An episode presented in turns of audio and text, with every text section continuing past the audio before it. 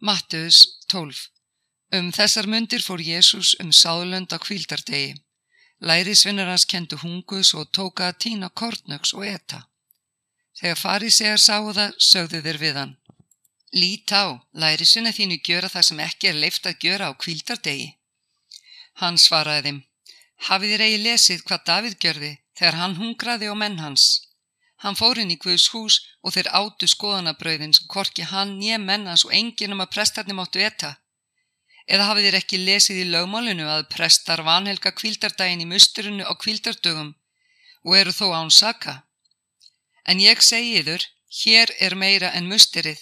Ef þér hefðu skilið hvað fælst í orðunum, miskun sem ég vil ég, ekki fórnir, myndi þér ekki hafa sakvelt saklösa menn, því að mannsonurinn er herra kvildardagsins. Hann fór þaðan og kom í samkundu þeirra. Þar var maður með vissna hönd og þeir spurðu Jésu. Er leifilegt að lækna á kvildardegi? Þeir hugðust kæran.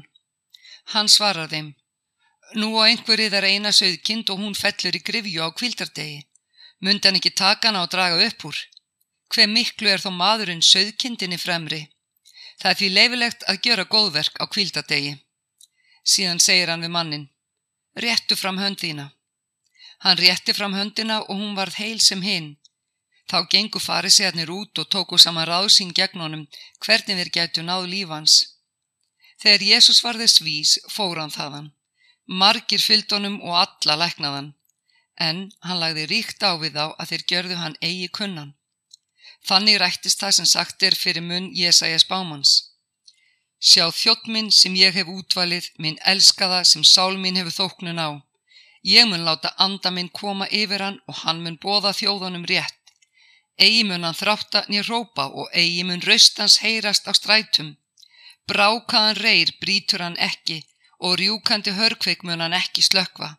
Unsan hefur leitt réttin til sigurs. Á nafn hans munu þjóðirnar vona. Þá var færðu til hans maður haldin íllam anda, blindur og mállus. Hann læknaðan svo hinn dumbygg að talað og séð. Allt fólkið varð furðu lostið og sagði, hann er þó ekki sonur Davís. Og þegar farísiðarnir heyrðu það, sögðu þeir, þessi rekur ekki út ítla anda nema með fulltingi Belsebúls höfðingja íllra anda. En þegar Jésús vissi hugsanið þeirra og sagði við þá, hvert það ríki sem er í sjálfussi sundu þygt leggst í auðn og hver svo borg eða heimili sem er sjálfu sér sundu þygt fær ekki staðist. Ef Satan rekur Satan út, er hann sjálfum sér sundu þykkur. Hvernig fær ríki hans þá staðist? Og ef ég rekk illu andan út með fulltingi Belsebúls, með hverju rekka þá yðarmenn þá út? Því skulu þeir vera dómarar yðar. En ef ég rekk illu andana út með Guðs anda, þá er Guðs ríki þegar yfir yðu komið. Eða hvernig fær nokkru brotist inn í húsinn sterka og rænt föngum hans, nefn hann bindi áður hinn sterka, þá getur hann rænt hús hans. Hver sem er ekki með mér, er á móti mér og hver sem sapnar ekki saman með mér, hann sundur dreifir. Þess vegna segi ég yður, hver synd og guðlöstun verður mönnum fyrirgefin, en guðlast gegn andanum verður ekki fyrirgefið. Hverjum sem mælir gegn mannsininum verður það fyrirgefið, en þeim sem mælir gegn heilugum anda verður ekki fyrirgefið, hvorki þessum heimi, nýja í hinnum komanda.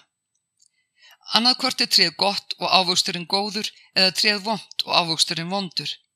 Því af ávöxtunum þekkist tréð. Þér nöðru kyn, hvernig getið þér sem eru vondir talað gott. Af gnæð hjartans mælir munnurinn. Góður maður ber gott fram úr góðum sjóði, en vondur maður ber vond fram úr vondum sjóði. En ég segi yður, hvert ónýttju orð sem menn mæla munu þeir verða að svara fyrir á domstegi, því af orðum þínu myndu síknaður og af orðum þínu myndu sakveldur verða. Þá sögðu nokkru fræðimenn og farið sér við hann. Meistari, við viljum sjá þig gera ták. Hann svaraði þeim. Vond og ótrú kynnslóð heimtar ták, en eigi verður henni annað ták gefið en ták Jónasar spámans. Jónas var í kviði stórkvelsins þrjá daga og þrjá nætur og einsmun mannsónurinn vera þrjá daga og þrjár nætur í skauti jarðar. Nýnefum menn koma fram í dóminum á samt kynnslóð þessari og sakfella hana, því að þeir gjörðu yðrun við pretikun Jónasar og hér er meira en Jónas. Drottning Suðurlanda mun rýsa upp í dóminum á sem þessari kynnslóð og sakfellana því að hún kom frá endimörkum jarðar að heyra speki Salomons og hér er meira en Salomon. Þegar óhrittnandi fer út af manni, reykar hann um eigði hrjóstur og leitar hælis en finnur ekki. Og þá segir hann, ég vil hverfa aftur í hús mitt þaðan sem ég fór. Og er hann kemur og finnur það tómt, sópað og prít, fer hann og tekur með sér sjö aðra anda sér verri og þeir fara inn og setjast þar að og verður svo hlutur þess manns verri eftir en áður. Eins mun fara fyrir þessari vondu kynsluð. Meðan hann var enn að tala við fólkið kom móður hans og bræður. Þau stóðu úti og vildu tala við hann. Engver sagði við hann, móður þín og bræður standa hér úti og vilja tala við þig. Jésús svaraði þeim er við hann mælti. Hver er móður mín og hverjir eru bræðu mínir? Og hann rétti út höndin yfir lærisvinni sína og sagði, hér er móðu mín og bræður mínir. Hver sem gerur vilja föðu mín sem er á himnum, sáur bróðu minn, sýstir og móðir. Mattius 13 Sama dag gekk Jésús að heimann og settist við vatnið. Svo mikil mann fjöldi sapnaðist á þhonum að hann varða að stíga í bát og sitja þar. En allt fólki stóð á ströndinni. Hann talaði margt til þeirra í dæmisögum. Hann sagði, Sáðmaður gekk út að sá og þá er hann sáði, fjall sumt hjá götunni og fugglar komu átuða upp. Sumt fjall í grítajörð þar sem lítill jarðvegu var og það rann skjótt upp, því það hafði ekki djúpa jörð. Þegar sól hækkaði vissnaði það og sökum þess það hafði ekki rætur, skrælnaði það. Sumt fjall meðal þyrna og þyrnarnir uksu og kefðu það en sumt fjall í góðajörð og bar ávöxt, sumt hundraðfaldan, sumt sextugfaldan og sumt þrítugfaldan. Hver sem eiru hefur, hann heyri. Þá komu lærisverðin til hans og spurðu, hvers vegna talaðu til þér í dæmisögum? Hann svaraði, Yður er gefið að þekkja lengda dómar hímnaríkis, hinum er það ekki gefið, því að þeim sem hefur mun gefið verða og hann mun hafa gnægð en frá þeim sem eigi hefur mun tekið verða jafnvel það sem hann hefur. Þess vegna tala ég til þeirra í dæmisögum að sjáandi sjáu þeir ekki og heyrandi heyri þeir ekki nýja skilja. Á þeim rætist spátumur Jésaja. Með eirum skulu þeir heyra og alls ekki skilja og sjáandi muni þeir horfa og ekkert sjá. Því að hjarta líðs þessa er sljótt orðið og illa heyra þeir með eirum sínum og augunum hafa þeir lokað svo þeir sjá ekki með augunum niður heyri með eirunum og skilji með hjartanu og snúi sér og ég lækni þá. En sæl eru augu yðar að þau sjá og eiru yðar að þau heyra. Sannlega segi ég yður, margir spámen og réttlátir þráðu að sjá það sem þér sjáuð en sáu það ekki og heyra það sem þér heyrið en heyrðu það ekki. Heyri þá hvað dæmisagan um sámannin merkir Þegar einhver heyrir orðu um ríkið og skilur ekki, þá kemur inn vondi og rænir því sem sáð var í hjarta hans. Það sem sáð var við götuna merkir þetta. Það sem sáð var í gríta jörð merkir þann sem tekur orðinu með fögnuði um leið og hann heyri það, en hefur enga rótfestu. Hann er hvikull og er þrenging verður eða ofsóknagn orðsins bregst hann þegar. Það er sáðvar meðal þyrna merkir þann sem heyrir orðið en áhyggjur heimsins og tál auðafana kefja orðið, svo það ber engan ávöxt. En það er sáðvar í góða jörð og merkir þann sem heyrir orðið og skilur það. Hann er sá sem ber ávöxt og gefur af sér hundraðfalt, sextugfalt eða þrítugfalt. Aðra dæmi sögðu sagðan þeim. Líkt er um himnaríki og mann er sáði góðu sæði í akkursinn. En er menn voru í svefni kom óvinnur hans, sáði ílgresi meðal kveitisins og fór síðan. Þegar sæði spratt upp og tók að bera ávöxt, kom ílgresið og í ljós. Þá komu þjónar húsbóndans til hans og sögðu við hann. Herra, sáði þú ekki góðu sæði í akkurðin? Hvaðan kemur ílgresið? Hann svaraði þeim. Þetta hefur einhver óvinni gjört. Þjónarnir sögðu við hann.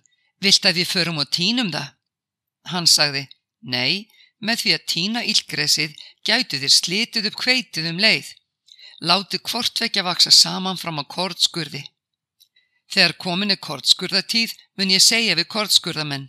Sapnið fyrst ílgresinu og bindið í böndin til að brenna því en hyrðið kveitið í hlöðu mína. Aðra dæmisögu sagðan þeim. Líkt er heimnaríki mustárskortni sem maður tók og sáði í akkursinn. Smæst er það allra sáðkortna en nærða vex er það öllum jörtum meira. Það verður tré og fugglar heiminsins koma og hreyðra sig í greinum þess. Aðra dæmisögu sagðan þeim. Allt talaði Jésús í dæmisögum til fólksins og án dæmisagna talaði hann ekki til þeirra. Það átt að rætast sem sagtir fyrir munn spámansins. Ég mun opna munn minn í dæmisögum, mæla það fram sem huli var frá grundvöllum heims. Þá skildan við mannfjöldan og fór inn. Lærisvinnar hans komu til hans og sögðu, skýrði fyrir oss dæmisögunum ílgresið á akrinum. Hann mælti, sáir sáir góðasæðinu er mannsonurinn. Akurinn er heimurinn Góðasæði merki börn ríkisins en ílgreðsi börn hins vonda. Óvinnurinn sem sáðu því er djöfullin. Kortskurðurinn er endir veraldar og kortskurðar mennirnir englar. Eins og ílgreðsun er sapnað og brent í eldi, þannig verður við endi veraldar. Mannsonurinn mun senda engla sína og þeir munu sapna á ríkjans öllum sem hnyggslunum valda og ránglæti fremja og kasta þeim í eldsopnin. Þar veru grátur og gnístran tanna, þá munu réttlátir skína sem sól í ríki föður þeirra. Hver sem eiru hefur, hann heyri. Líkt er himnaríki fjásjóði sem fólkin var í jörðu og maður fann og leindi. Í fögniði sínum fór hann, seldi allar eigur sínar og kefti akkurðan. Enn er himnaríki líkt kaupmanni sem leitaði að fögrum perlum og er hann fann eina dýrmæta perlu fór hann seldi allt sem hann átti og keft hana. Enn er himnaríki líkt neti sem lagt er í sjó og sapnar allskins fiski. Þegar það er fullt, draga menn þá á land, setjast við og sapna þeim í góðu í kér en kasta þeim óættu burt. Svo mun verða þegar veröld endar, englarni munu fara til, skilja vondamenn frá réttlátum og kasta þeim í eldsopnin. Þar veru grátur og gnýstran tanna. Hafið þér skilið allt þetta? Já, svöruðu þeir. Hann sagði við þá. Þannig er sér hver fræðumadur sem orðin er lærisverðn himnaríkis líkur húsföður sem ber fram nýtt og gamalt úr forðabúri sínu. Þegar Jésús hafði lokið þessum dæmusögum, hjælt hann þaðan. Hann kom í ættborg sína og tók að kenna þeim í samkundu þeirra. Þeir undruðu stórum og sögðu, hvaðan kemur hann þessi speki og kraftaverkin? Er þetta ekki sonur smiðsins? Heitir ekki móður hans Marja og bræður hans Jakob, Jósef, Símon og Jútas? Og er ekki sýstur hans allar hjá oss? Hvaðan kemur honum þá allt þetta? Og þeir neyksluðust á honum. En Jésús sagði við þá, hvergi er spámaður minna metin en í landi sínu og með heimamönnum. Og hann gjörði þar ekki mörg kraftaverk sökum vantrúar þeirra. Matteus 14 Um þessar mundir spyr Herodes fjórðungstjóri tíðindin af Jésús og hann segir við sveina sína Þetta er Jóhannes skýrari, hann er resin frá dauðum, þess vegna eru kraftarnir að verki í honum. En Herodes hafi látið taka Jóhannes höndum, fjötran og varpa í fangelsi vegna Herodíesar konu Filipusar bróðu síns. Því Jóhannes hafi sagt við hann, þú mátt ekki eigana. Herodes vildi deyðan en ótaðist líðin þar eða menn töldu hann vera spáman. En á ammalið stegi Herodesar dansaði dóttir Herodíesar dans frammi fyrir gestunum og reyf Herodes svo að hann sór þess eigð að veit henni hvað sem hún bæði um. Að undurlegi móðu sinna segir hún, gef mér hér á fati höfuð Jóhannesar skýrara. Konungurinn var hryggur við, en vegna eðsins og gesta sinna bauðan að veita henni þetta. Hann sendi í fangelsið og létt hálsökva Jóhannes þar. Höfuð hans var boriðin á fati og fengi stúlkunni sem hún færði móður sinni. Lærisvennar hans komu, tóku líkið og greftruðu, fóru síðan og sögðu Jésu. Þegar Jésús heyrði þetta, fór hann þaðan og báti á óbyggðan stað og vildi vera einn. En fólki frétti þá og fór gangand og eftir honum úr borgunum. Þegar Jésús steg á land sá hann þar mikinn mannfjölda og hann kendi í brjóstum þá og læknaði þá af þeim er sjúkir voru. Um kvöldið komu lærisvinnarnir að máli við hann og sögðu hér er engin mannabygðu og dagur liðin, lát nú fólki fara að þeir geti nátt til þorpan og keft sér vistir.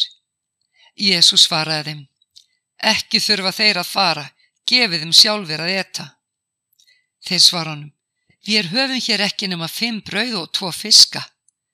Hann segir, færi með þetta hingað og hann bauð fólkinu að setjast í grasið. Þá tók hann brauðin fimm og fiskana tvo og leit upp til heimis og þakkaði Guði, braut brauðin og gaf lærisvennunum en þeir fólkinu. Og þeir neittu allir og urðu mettir og þeir tóku saman brauðbyttana er afgengu tólf fullar körfur. En þeir sem neitt höfðu vorum fimm þúsum karlmenn, aukvenna og barna. Tafalust knúði hann lærisvinna sína að fara í bátinn og halda undan sér yfirum meðan hann sendi fólki burt. Og er hann hafið látið fólki fara, gekk hann til fjalls að byggjast fyrir í einrúmi. Þegar kvöld var komið var hann þar einn, en báturum var þegar komið langt frá landi og lág undir áföllum því að vindur var á móti. En er langt var liði nætur kom hann til þeirra gangandi á vatninu Þegar lærisvennarnir sá hann ganga á vatninu var þeim byllt við. Þeir sögðu, þetta er vofa og æftu af fræðslu. En Jésús mælti jafnskjótt til þeirra. Veruð hugsaistir, það er ég. Verið óhrættir. Pétur svaraði honum, ef það er þú, herra, þá bjóð mér að koma til þín á vatninu. Jésús svaraði, kom þú. Og Pétur stjór bátnum og gekk á vatninu til hans. En sem hann sá rókið varð hann hrættur og tók að sökva. Þá kallaði hann, Herra, bjarga þú mér. Jésús rétti þegar út höndina og tók í hann og sagði, Þú trúlittli, hví evaðist þú? Þeir stigu í bátinn og þá lægði vindin, en þeir sem í bátnum voru tilbáðu hann og sögðu, Sannalega ert þú sonur Guðs. Þegar þeir höfðu náði yfirum komu þeir að landi við Geneseret. Fólkið á þeim stað þekktu hann og sendu bóðum allt nágrannið og menn færðu til hans alla þáir sjúkir voru. Þeir báðan að mega rétt snerta fald klæða hans og allir sem snertu hann urðu al heilir.